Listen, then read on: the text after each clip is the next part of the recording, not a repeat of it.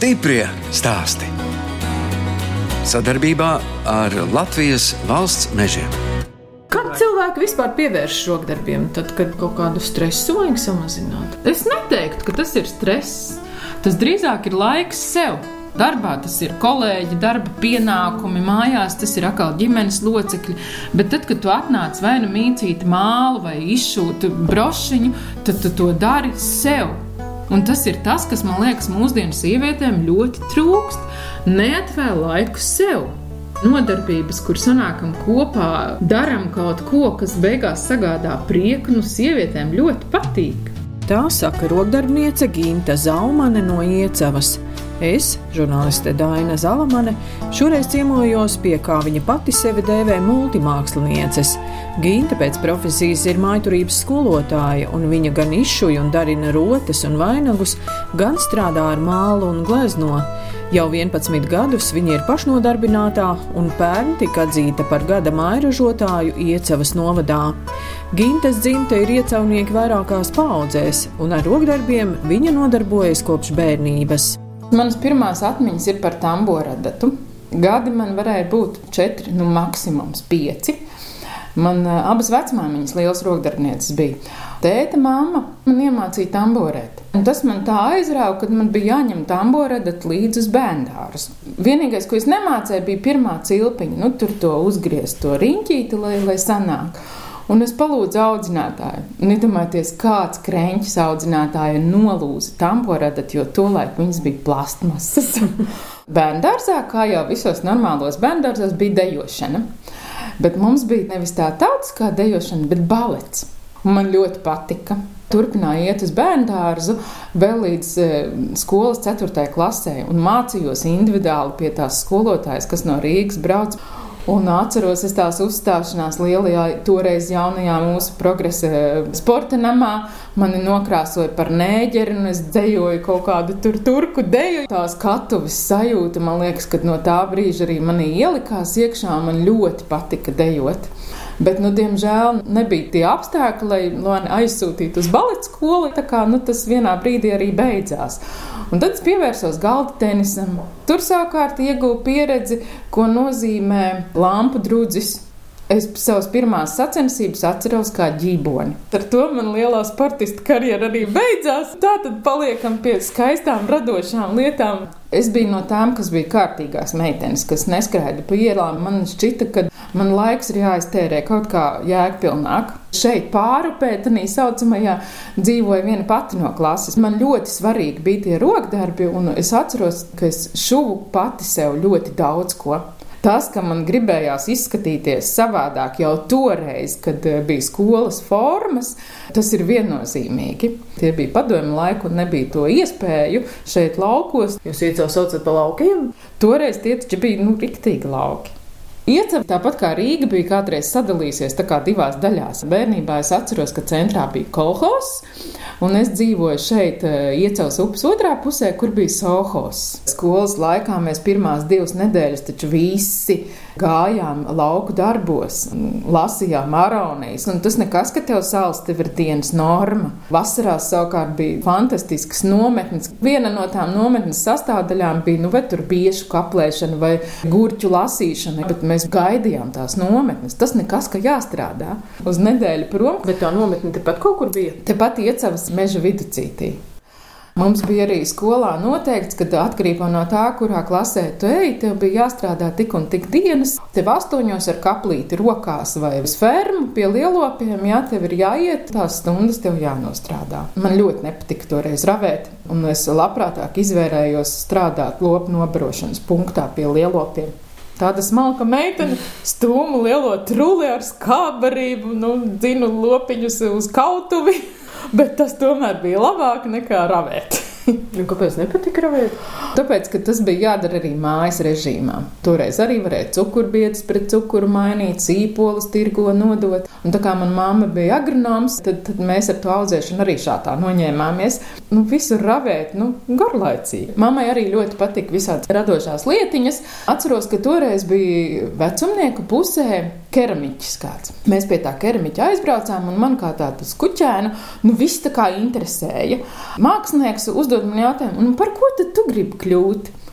Es viņam pretī, es gribu mācības skolotāju būt. Toreiz bija darbmācības skolotāja, ka tur visu kaut ko var darīt. Pēc astotās klases uzliku sev tādu tā kā nosacījumu, ja es visus eksāmenus astotās klases beigās nolikšu uz pieciniekiem, toreiz bija piecu baļu sistēma, es šos pieciniekus dabūju, tad aizgāju uz Bausku un, un, un trīs gadus nomācījos fizikas matemātikas novirzienu klasē. Bet nu, kāpēc? Interesanti. Matemātika, kā visiem normāliem bērniem, nu, nav tas mīļākais priekšmets. Man tētim ļoti patīk matemātika. Reizināšanas tabulu caur asarām. Man bija jāpilda mājās uz lapiņas, un man patika ļoti domājot, graust pildspāru. Es atceros, tēvs uzlika sinepas galā, lai es negraužu un domāju. Un tad acīm redzot, kaut kā tā matemātika iepatikās. Un šobrīd dzīvē arī ļoti noder. Nav matemātika jāuztver kā tikai cipari un, un sarežģītas formulas. Tā patiesībā ir loģiskā domāšana, ko tu attīsti. Pabeidzāt to vidusskolu, fizikas, matemātikas novirzienu, un tad devāties uz Latvijas universitāti. Nē, apprecējos. Universitātes pabeidzu neklātienē. Mana pirmā meitiņa bija piedzimusi, es strādāju bērngārzā, kur meitiņa arī gāja.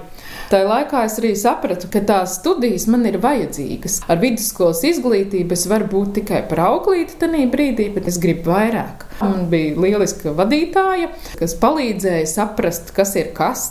Par cik vadītāja arī bija ļoti radošs cilvēks, un, un bērniem bija radošās mākslas pulciņš toreiz Bauskā Nu, pat, nu, pat sāk veidoties arī mākslas skola. Kaut kā likās, ka mēs esam pakāpīti pirms tās mākslas skolas, ka mēs bērniem mazākiem varam dot to iespēju rotaļāties ar dažādiem materiāliem un pārsteigt vecākus ar iznākumiem. Un vadīja ne tikai bērniem to laiku tās nodarbības, bet vadīja arī metodiskās apvienības un dalījos ar savu pieredzi un zināšanām arī tālāk ar citām audzinātājām, metodiķiem. Tā kā bija interesanti. Vēlāk dzīves ceļš Gintu aizved uz Rīgu. Tur viņa strādāja gan apdrošināšanas jomā, gan reklāmas aģentūrā un tur bija jānoformulē savi nākotnes plāni. Es atceros, mums katru gadu bija tādas pārunas, nu, ko tad mēs dzīvē gribam sasniegt. Es saviem bosiem pateicu, es gribu, lai man kādreiz ir mans kultūras nams. Bet tad jau es biju atkal dekrētā. Piedzima meitiņa kate, un līdz ar to man Rīgas karjera beidzās. Izturēju konkursu, aizgāju strādāt, iecels novadu pašvaldībā par jaunatnes lietu speciālistu.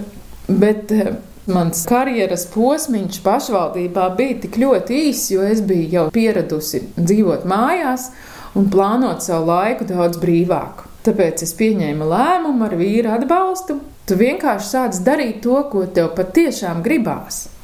Un tagad es pilnīgi droši varu teikt, ka tas bija ļoti, ļoti pareizs lēmums toreiz. Un paldies vīram un visiem pārējiem, kas man atbalstīja. Sapnis par manu kultūras namu man ir realizējies. Un es šo kultūras namu, kas šobrīd ir darbnīca, jau sāku apaudzēt. Un man ir lieliska atbalsta komanda apkārt. Kāpēc jūs sakāt kultūras nams? Tas nozīmē, ka jūs pulcējat arī ap sevi. Jā, ja? Citus? jā.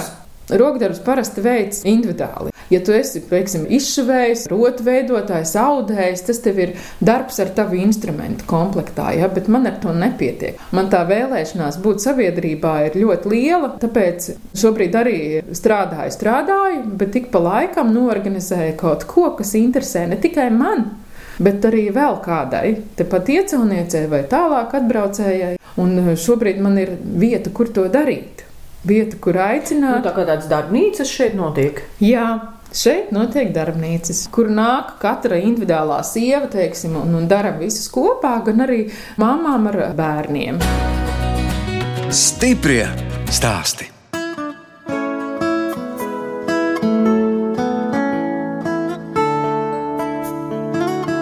Jūs klausāties raidījumu stipri stāstī. Turpinu ciemoties pie rokdarbnieces un radošas sievietes Gintas Zaumanes iecavā. Viņa jau 11 gadus ir pašnodarbinātā, un tagad ģimenes privātmājā viena istaba ir pārvērsta par Gintas darbnīcu. Te atrodas arī Gintas rokdarbi. Viņai ir liela pieredze pērlīšu izšūšanā Ginta gatavo arī brošas, rokas sprādzes un lielas kaklarotes. Šī ir eh, liela rota, tāda iespaidīga izmēra. Šajā rotā ir vairāku mākslinieku darbs. Tolaik, kad es to sāku, Latvijā ļoti daudz nebija, kas šuja un izšuja ar pērlītēm. Mēs savstarpēji vairāk vai mazāk vienu otru zinājām. Viena meitene darināja arī stikla izējumateriālus tās rozītes un tas centrālais elements ir stikls, absolūts roku darbs. Ir kaut kādi dabīgi akmeņi, ir svarovski kristāli, ir lielāka, mazāka izmēra pērlītes, ir čeku pērlītes, ir japāņu pērlītes. Tas eh, materiāla klāsts, lai tu dabūtu gatavu vienu to rotu, ir diezgan daudz jāsavāc. Tas bija tas, ar ko es sāku.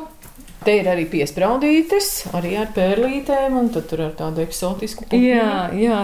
Man patīk miksēt tās tehnikas, bet, lai tu zinātu, kā viņas miksēt, tev vispirms viņas ir jāapgūst. Tad es gāju pie tādiem foršiem meistariem, dažādiem. Tur bija mākslīgo ziedu taisīšana no dažādiem materiāliem, no zīdiem, no ādiņām, un tad tur kaut kas aizķerās, tad tur bija atkal kaut kādām papīra lietām. To tehnika ir milzīgs, milzīgs klāsts. Un tikai tad, kad tu mācies, tu īsti saproti, vai tas ir tavs. Un tad vēl tie vainadziņi skaistie. Te par pamatu ir ņemtas piegrieznes no mūsu latviešu etnogrāfiskajiem vainadziņiem, Nīcas eh, bārtas vainadziņš mazliet atvēries uz augšu, vai taisnais vainadziņš. Es noteikti negribu sevi saukt par etnogrāfisko rotu darinātāju. Man vairāk patīk vienkārši darīt un ļauties procesam, nedomājot par to, kas tas būs beigās. Nekad neskicēju, bet vienkārši daru. Un tad priecājos par procesu, kas noved pie rezultāta. Nu, tie ir pērlīšu vainagi. Jā, bet arī izšūtiem elementiem. Ne tikai vērtiem un rulētiem, bet arī ar izšūtiem elementiem. Jūs savu vainadziņu arī kā kādreiz galvā uzliekat kādu? Jā, bija laiks, kad es eh, ļoti aktīvi darbojos biedrībā. Mans tautas darbs bija pie viņas dibināšanas šūpuļa. Gada jubileju svinējām un centāmies visas ierasties vainadziņos. Vai es ikdienā nesāju? Drīzāk nē. Pagājušajā rudenī braukāju pa Latviju ar meistarklasi, kurā mēs darinājām dekorus beretēm. Rokdarbniece Ginta Zaumani sadarbojas ar darba devēju ārvalstīs, kam viņa pēc pasūtījuma gatavo izšūtas matu sprādzes, jeb matu rotas. Es esmu mazais uzņēmējs, kas ir atradis nišu, par kuru varētu sapņot ļoti daudzi rokdarbnieki. Es daru to, kas man patīk, to, kas man padodas, man par to maksā Un man nav jādomā par pārdošanu, par mārketingu, par transportu, ko vēl vairāk rodarbinieks var vēlēties. Te tagad ir iestiepts, ir, ir vienkārši zīda audums, uz kura es ar franču mezgliņiem, ar mazajām rozītēm, tādus rokoko veidīgus izšuvumus veidoju matu aksesuāriem. Tas ir arī man e, šobrīd viens no lielākajiem sadarbības partneriem mītnes vietā Manāko kur es taisu šos te matu accessorus. Izskatās vairāk līdzīgs tā kā tauriņam. Jā, tas ir tāds mūsu pašu izstrādāts tauriņš ar īpaši saliktiem dažādiem materiāliem, kā dabūt tieši to formu, ko mēs esam arī nopatentējuši, lai šajā formā izveidotu ar dažādiem materiāliem, dažādās tehnikās, bet saglabājot to matu tauriņa veidu. Manāko, kur arī visvairāk šīs tiks pārdots, šīs prādze nav no lētajām, tur meitenēm, sievietēm patīk gari mati. Un tāpēc tās bantas, kas mums varbūt liekas drusciņi atgādina Mickey Mouse banti, tajos lielajos, skaistajos, koptajos matos izskatās pasakaini. Tas produkts ir tas, kas varētu nostāties blakus dāmu cepurītei. Ginta, bet es skatos, te ir arī tāda plāksnīte, Ella Garbo. Garbo. Ella Garbo, jā, tā ir mana sadarbības partnere. Mēs ejam zem viņas vārda, un es esmu priecīga, ka es esmu satikusi Ellu. Un, uh, viņa ļauj radoši izpausties, un pēc principa, kas ir pasūtīts, to darām. Un arī lieliem modes namiem, ja tu gribi Dioru somiņu, tu esi gatavs arī pusotru gadu gaidīt. Labi, mēs vēl neesam Diors, bet mēnesi pagaidīt nav problēma. Šīs visas ir tās matu sprādzītes. Jā, Šīs ir arī tādas vienkāršākas. Jā, jā, jā, ir, ir pavisam vienkāršākas, kas ir tikai no zīda satīna, un tad ir eh, papildinātas ar svarauski kristāliņiem vai izšuvumiem. Ginta stāsta, ka četras dienas nedēļā viņa pelna naudu, bet piektajā dara to, kas pašai patīk. Pēdējā laikā viņas lielā aizraušanās ir māls. Tad, kad tu četras dienas strādā ar tādiem smalkiem eh, diedziņiem, pērlītēm, tad tādā piektā dienā gribās ielikt rokas zemē. Un tad es esmu priecīga par to, ka ir māls tā pamazām, pamazām ieejot tajā māla pasaulē, tu saproti, ka toreiz bērnībā satiktais vecumnieku pusē esošais keramiķis nebija vienkārši tāpat. Tas process kaut kur dzīvoja iekšā jau tevī. Un, un šajās brīvdienās ar mana vīra iniciatīvu un mūsu drauga Daņa lielu palīdzību mēs uzbūvējām arī cepli. Tas, ko jūs taisat no māla, tātad tas netop uz virpas. Tā ir tā saucamā lipināšanas tehnika, kur mēs paņemam vienkārši māla bumbulīti, lipinam viņam virsū tādas desiņas, un man ļoti patīk šie melnie svēpētā keramika, bet paralēli es braukāju reiz pa reizē arī uz Rīgu, mācos arī glazēšanas tehnikas, jo es esmu cilvēks, kam patīk daudz krāsu apkārt. Man tanī melnumā ieviest arī drusciņu to krāsu, un, un gan jau es uzeksperimentēšu arī savā ceplītī, kā melnais plus krāsa strādā. Un no māla ir tapusi arī šeit jūsu darbnīcā lampa. Jā, Man brālis ir galdnieks, tad pie viņa ciemojoties galdniecībā atradu koku ripu, kas visu satura to kopā. Tur ir tādi āķi, kuros ir iekārtība. Līnas triķi, āķi ir mēbeļu furnitūra. Un uh, izrādās, vadi, pa kuriem plūst elektrība, ir ne tikai balti un melni, bet viņi ir iespējami arī nu, tādās citādākās krāsās. Un šeit viņš ir gandrīz tāds pats kā Linas triķis. Un tas viss nāk tāpatās kā ar tām pērļošanām. Tev nāk pieredze, un tu vari ar to interpretēt. Un tas, kas man bija skaidrs, ka man darbnīcā būs vecā bufete ar izlietni. Izlietne atgādina tādu lielu bļodu. Jā, izlietņu bļodas mēs zinām, kad ir modē jau labu laiku interjerā, viņas ir ienākušas. Bet man gribējās šo bļodu izveidot pašai. To es arī izdarīju. Izveidoju bļodu, piemeklēju krānu. Protams, nevarēja likt tur parasto chromēto, bet viņš ir tāds drusciņš zeltīts, drusciņš vintaģīgs. Arī iedarās un veido tādu stūrīti, kur gribās rokas mazgāt. Tas viss ietekmēs kapī. Tā izskatās. Jums ir arī pietiekami daudz dažādi pašgatavoti trauki. Jā, no kā cienāt eh, ciemiņus, un ir iepaticies man arī ar tekstilu krāsām darboties, un tad arī galdauti top. Arī šeit eh, mājās dažas sienas ir jūsu darināts. No jūsu darbnīcā, piemēram, ir tāda ar tādu zeltītu.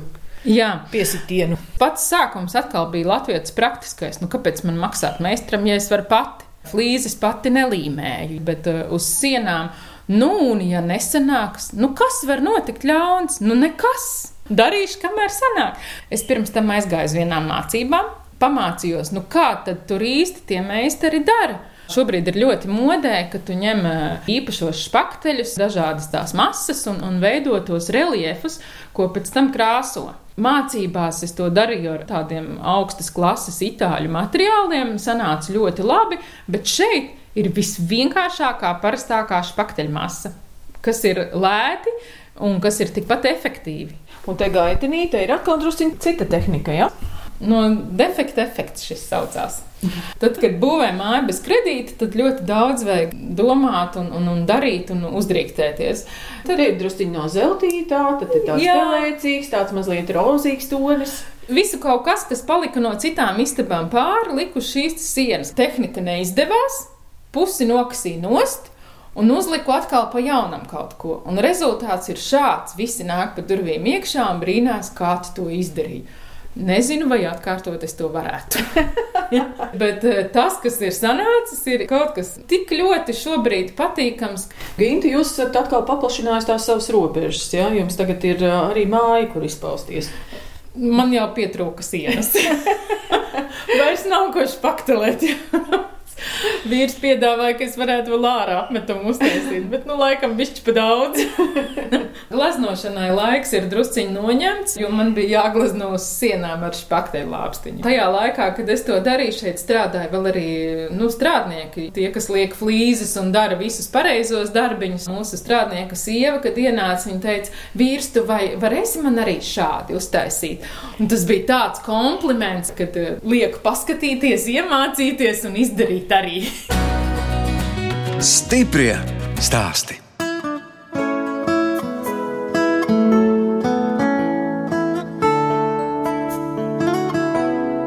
Skan raidījums stipri stāsti. Šoreiz ciemojos Iecavā pie rokdarbnieces un mākslinieces Gintas Zaumanes. Viņa piedalījusies grāmatas Mans tautas tērps tapšanā, kurā apkopoti stāsti par 120 tautas tērpiem. Ginta to sauc par savu sirds darbu. Kopā ar šī projekta sākotnējo iniciatoru Ilzi Strēli vācām kopā tautas tērpu stāstus pa Latviju fotografējām, likām izstādē, un tā mana daļa bija katra šī cilvēka portretiņa izšūšana. Katrs cilvēks, kad bildējās, pārsvarā sievietes, lika galvā dzīvo ziedu vainadziņu. Un es uzliku sev par mērķi šo skaisto vainadziņu kopā ar cilvēka sēņu izšūt tekstilu materiālos. Un tas jūsu izšūvums it kā no vienas puses ir tāds vienkāršs, tur ir tikai tās kontūras, tomēr te ir tā portretiskā līdzība. Sākumā tas mans mērķis bija kopēt vainadziņu. Un uz beigām, tiem 120. izšuvumiem, kopā 134 man bija izšuvumi es jau sāku saprast arī, kā dabūt tos sejas pantus, jo cilvēks tomēr meklē savu portretisko līdzību, nevis tikai to silueta līniju. Teiksim, tas vainadziņš ir tiešām tāds, kā ir fotografijā, krāsains, tā cilvēka kontūra ir tikai kā kontūra. Tikai, lai, lai būtu, kas tur to vainadziņu galvā. Nu, milzīgs darbs ieguldīts. Brīvprātīgais darbs. Mēs par šo nevienam nevienu naudu neprasījām. Ja cilvēks kaut ko dara, tad viņš dara ļoti daudz, un pa kuru laiku vēl jūs darbojaties biedrībā radam? Biedrību radam mēs savulaik nodibinājām ar draugu Gitu, tepat iecavā ar domu darīt skaistas, radošas lietas. Gita man savulaik ievilka gleznošanā. Un tad pirmā reizē, kad es aizbraucu Gitai līdzi uz tādu mini plenēriņu, viņa tur strādā, viņai tur viss tik skaisti, un man vairāk par krāsu pleķiem nekas nesenāk. Un es biju diezgan tādu nu, sašakējusies par savu nevarēšanu. Tā tad ir jāmaina attieksme pret to. Un tā mēs sākām ņemties kopā ar to gleznošanu, organizējām iecevā arī gleznošanas nodarbības pieaugušajiem, pieaicinājām kādu, kas mums var drusciņi pamācīt. Un tad ar laiku arī es sāku gleznot. Izstādes bija viens no mērķiem, kāpēc mēs veidojam biedrību. Jo caur biedrībām mēs zinām, ka mēs varam piesaistīt arī šādus tādus finanšu līdzekļus pašvaldībām. Katru gadu tiek izsludināti projektu konkursi, lai varētu tādā iecevāt to kultūras dzīvi kaut kā nu, dažādot. Tās izstādes ar tiem gleznošanas pulciņu dalībnieku darbiem līdz šim bija ļoti biežas. Nu, šobrīd drusciņi retāk, bet vienalga, ka atkal uz Ziemassvētkiem plānojam kultūras namā mēģināt savākt kopā savējo darbus. Tā biedrība un gleznošana, tas arī ir daļa no tā jūsu sapņa par kultūras namu.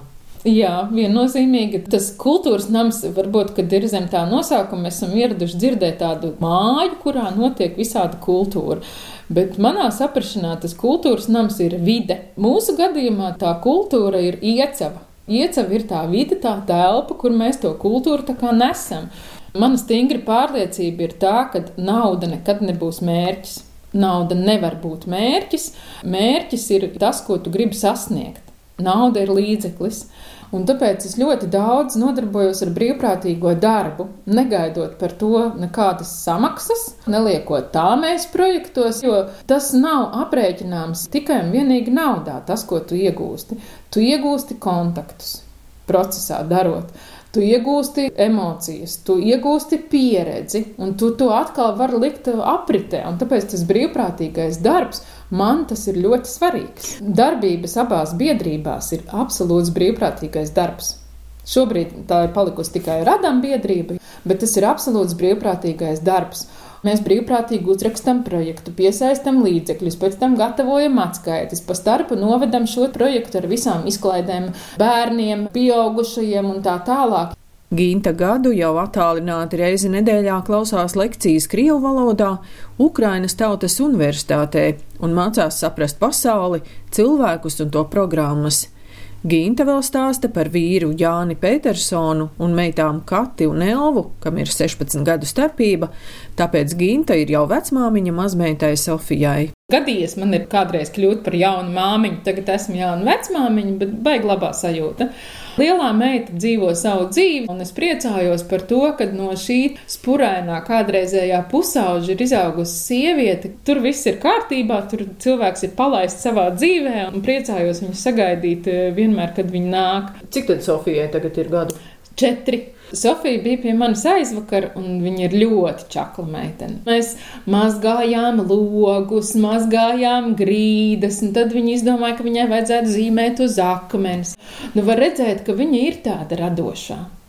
Un tas, kas man ļoti priecē, kad man lielā meita arī ir paņēmusi tamboradu un tamborē savai meitai šāli. Un cik tā katē gadu? Katē ir 12. Kate ir atkal ļoti atšķirīga no Elvas. Tā ir absolūta māksliniece. Viņai liekas, ka viņai mākslas skolu vairs nevajag. Tur ir garlaicīgi, jo viņa visu zina. Viņai gribās zīmēt tikai zirgus. Ļoti patīk un padodas datorgrafika, vai mūsdienās tāpat ir telefona grafika. Viņa var stundām ilgi sēdēt, ēnot un ņemties, un, un, un tie zirgi, ko viņa zīmē, tenī telefonā un datorā, nu, viņi ir tik dzīvi. Un tas ir tas, kas ir viņas, viņa ir absolūti zirgu bērns. Kā mēs piecos gados pirmo reizi uzkāpām uz zirga, tā viņa jāja joprojām. Trīs reizes nedēļā ir kārtīgi treniņi. Arī tepat iecavā mums ir brīnišķīgs sporta klubs un lieliski treneri. Un uh, mans bērns ir ekstrēmists. Viņa ir izvēlējusies konkūru, kas ir nu, lekšana pāri šķērslīšiem. Viņas mērķis ir pārspēt Latvijas rekordu pārlekt šķērsim, kas tur ir 2, neatceros, cik metri. Ja? nu, labi. Par vīru Jāni vēl izstāstīt, ko tad Jānis dara ikdienā? Jānis dodas uz darbu ikdienā, un es esmu ļoti priecīga, ka viņš ir grāmatvedis. Tātad rokdarbniekam nav jādomā par ciparu pusi. Tas ļoti atvieglo visu to. to. Bet pašnodarbinātiem, vai tad ir tik daudz tur tie, nu, ir, tie, tie grāmatvedības papīri? Nav varbūt tik daudz kā SIA un tam līdzīgām struktūrām, bet arī pašnodarbinātam ir tomēr jāsaprot kaut kas no nodokļiem, jāsaprot kaut kas no dokumentācijas iesniegšanas, jo deklarācijas tāpat jāpilda, tāpat jāsako līdzi visām čeku darīšanām, un, un, un kaut ko jau es tur saprotu. Bet es esmu ļoti priecīga, ka mani no tā atsvabina. Salieku čekus čupiņā, lūdzu. Jā. Un Jānis strādā tepat iecavā? Tepat iecavā strādā uzņēmumā Vizulā, kas ražo lieliskas lampas. Pārsvarā viņiem gan ir tādas ārā apgaismojums. Ražošanas apjomu ziņā un eksporta ziņā viens no tādiem lielākajiem e, iecavā. Jāsaka, kā paldies vīram, kad, tad, kad viņš atnāk mājās, tad pārsvarā mēģina man dabūt ārā. Nu, ejam no tur, darbnīcas. Jā. No darbnīcas, jā, jo tas ir grūti. Bet ir man, mana mīļā rožu dobe, Ja šobrīd man jau ir 32 rozes, vīrs ļāva vēl. Bet mums tāpat tās patīk savā siltumnīcā, savu tomātu, patīk nopļauta zālīte. Jā, tā kā ir ko darīt arī ārā, ir kur te patās apkārt pastaigāties. Šeit tad kaut kur izbraucam, bieži gan nesanāk tā izbraukšana, jo tam pašnodarbinātajiem, kas darbojās ar cilvēkiem, mūsu tas darba laiks ir tieši tad, kad tiem cilvēkiem ir brīvs. Un kas tas ir? Tas vai nu darbdienas vakari vai brīvdienas. Tā kā ļoti bieži man sanāk arī brīvdienās un vakaros strādāt. Ģimene ir ļoti svarīga. Un, ja tu esi viens, nu viens nav karotājs. Ja tev ir ģimene, kas tevi atbalsta, kas tevi saprot, ar mani nav viegli, jo es esmu dūla. Ja? Manai ģimenei ir jāpieņem tas, ka es iešu un es darīšu, un man tas ir svarīgi, un, un man ģimene to ļoti arī atbalsta. Man ir lielisks vīrs, kas atnāk no darba un taisa vakariņas, jo man mājās strādājot darbnīcā nav bijis laika. Ģimene ir tā, kas mani atbalsta. Gan šī mana mazā ģimenīte, kas mēs šeit dzīvojam, gan arī mana lielā kuplā ģimene. Mēs saviem vecākiem esam četri.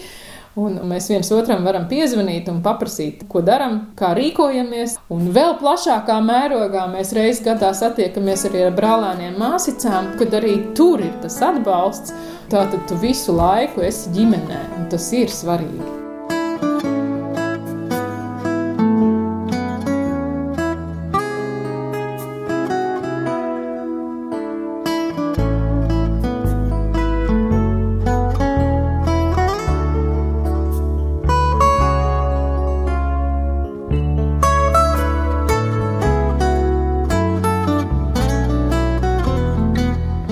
Redzījums stipri stāstī izskan, un es atvados no Gintas Zaumanes, kas 11 gadus ir pašnodarbinātā un 4 darba dienas nedēļā pelna naudu, bet 5. dara to, kas pašai patīk, strādā ar mālu, glezno un strādā kā brīvprātīgā.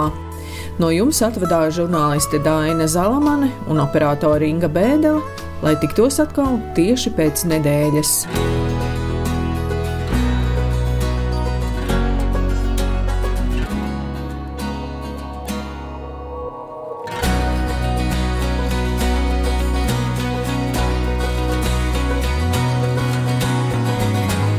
Stiprie stāsti. Sadarbībā ar Latvijas valsts mežiem.